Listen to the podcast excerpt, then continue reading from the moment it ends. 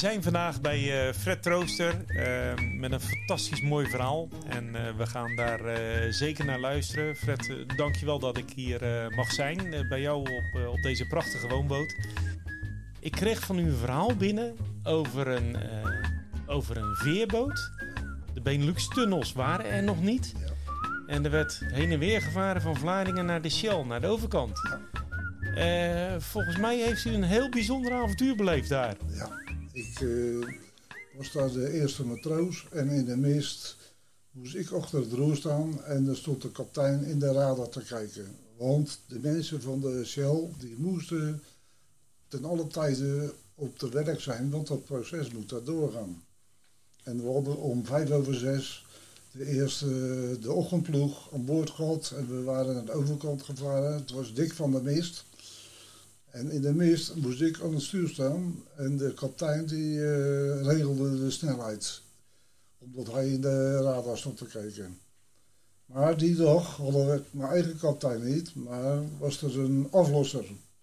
En die man was daar niet zo bekend als wij. En we waren op de terugweg uh, naar Vlaardingen. En we zaten ongeveer bij het Delta Hotel. We voeren tegen de stroom in, want we leggen altijd tegen de stroom aan. En ik stond voor en die stuurde het. Die zat op de kop van die boot. En de kapitein die, uh, stond, die zat in de radar te kijken. Maar dan zien jullie toch heel weinig? Je ziet helemaal niks buiten. Maar omdat het niet mijn eigen kapitein was... Ja. Ja, misschien doe je het altijd wel, maar ik stond zelf ook in de mist te turen. En plotseling in de mist zie ik een schim aankomen. En het eerste moment dacht ik, rennen voor je leven, naar achteren, want uh, we krijgen een aanvaring. Dus dat is niet meer te voorkomen. Maar het tweede moment dacht ik, ja, we hebben een hele aflosploeg aan boord. Er leggen mensen beneden te slapen. En uh, dat, dat, kan je niet maken natuurlijk. Dus het volgende moment, het ging in een fractie van een seconde. Dus ik draai de motor terug, zodat de toerental zakt. En ik zet hem eens achteruit en ik draai hem weer vol aan open. Maar op dat moment dacht u dus in eerste instantie niet aan uzelf, nee. maar aan de mensen die beneden lagen. Ja. En die kapitein die roept, wat doe je nou? We zijn er nog lang niet. Ik had geen tijd om wat tegen die man te zeggen. Ik kijk naar buiten en ik zie de sleepboot rakelings langs ons heen scheuren. En daar kijk ik en dan zie ik op de beting van die boot een staaldraad naar achter gaan. Dus ik tuur weer in de mist en daar zie ik een bok erachter hangen. En weer zet ik een Hollandaise achteruit. Wauw. Ja, om die bok te uh, vermijden. Want ja, anders hadden we echt een aanvaring gehad. En toen uh, later, uh, toen het dus goed ging en de kapitein verder die boot daar zijn ponton voer. Toen sprak ik beneden de andere matroos. Hij zegt, Fred, we gingen de rakelings langs. Hij zegt, ik kom overstappen. Ik hoorde, hij zegt, ik hoorde de motor achteruit slaan, dus ik dacht dat we er waren. Maar we waren er helemaal nog niet. Hij zegt, nou, ik ben eigenlijk ook doodgeschrokken.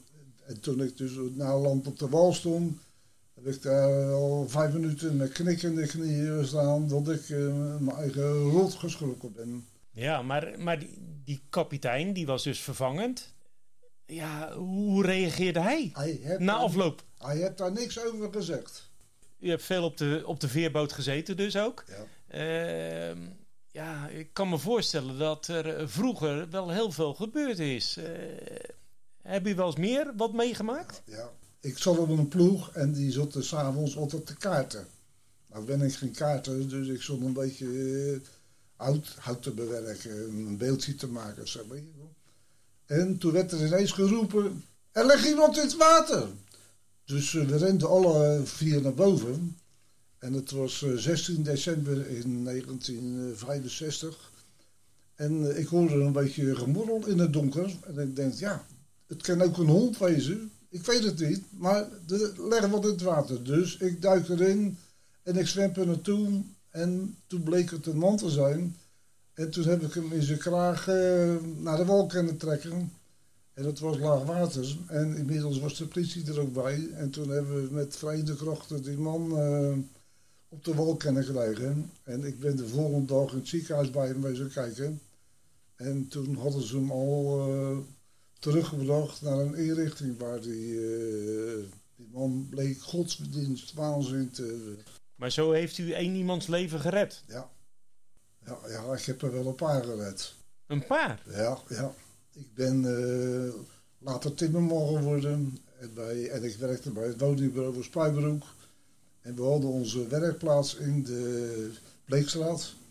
En tegenover ons werkplaatsje, daar was een dubbel pand. Waar beneden de vader en moeder woonden. En boven de zoon en de schoondochter. En ik stond met mijn collega beneden te praten. En ineens komt die moeder naar binnen. En die zegt, er is brand bij mijn dochter. Potverdomme. En wat doe ik? Ik pak de tuinslang van uh, collega's auto. En ik rent de trap op daar naar binnen.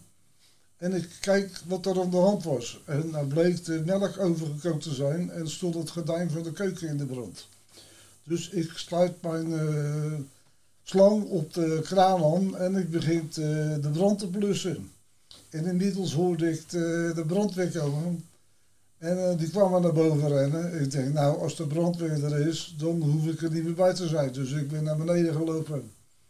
En toen zie ik uh, aan het eind van de week in Groot Varingen staan. De brandweer was de brandspoedelmeester. ja, ja, ja, maar u bent geen brandweerman. Nee. U bent geen, uh, niet iemand van de reddingsbrigade. Nee. Maar u hebt ondertussen al hoeveel levens gered? Ja, ik heb daarvoor al een keer in de krant gestaan ook. Dat ja? ik drie of vier gered had. Ja. En toen die man op de boulevard, toen werkte ik inmiddels niet meer bij de Spido. Ja. Ik zat in militaire dienst. En uh, op een dag uh, komt er een kerel. Hij zegt, jij moet dadelijk bij de commandant komen. Ik zeg zo.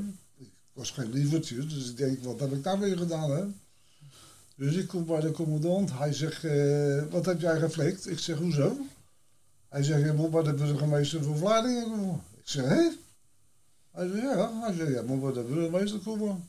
Hij zegt, je kan morgen vrij en uh, jij moet terug naar Vlaardingen. Dus ik kwam naar Vlaardingen en uh, toen moest ik bij burgemeester Heusens komen. En uh, die feliciteerde me. Ik kreeg een medaille van het Carnegie Heldenfonds en een fototoestel.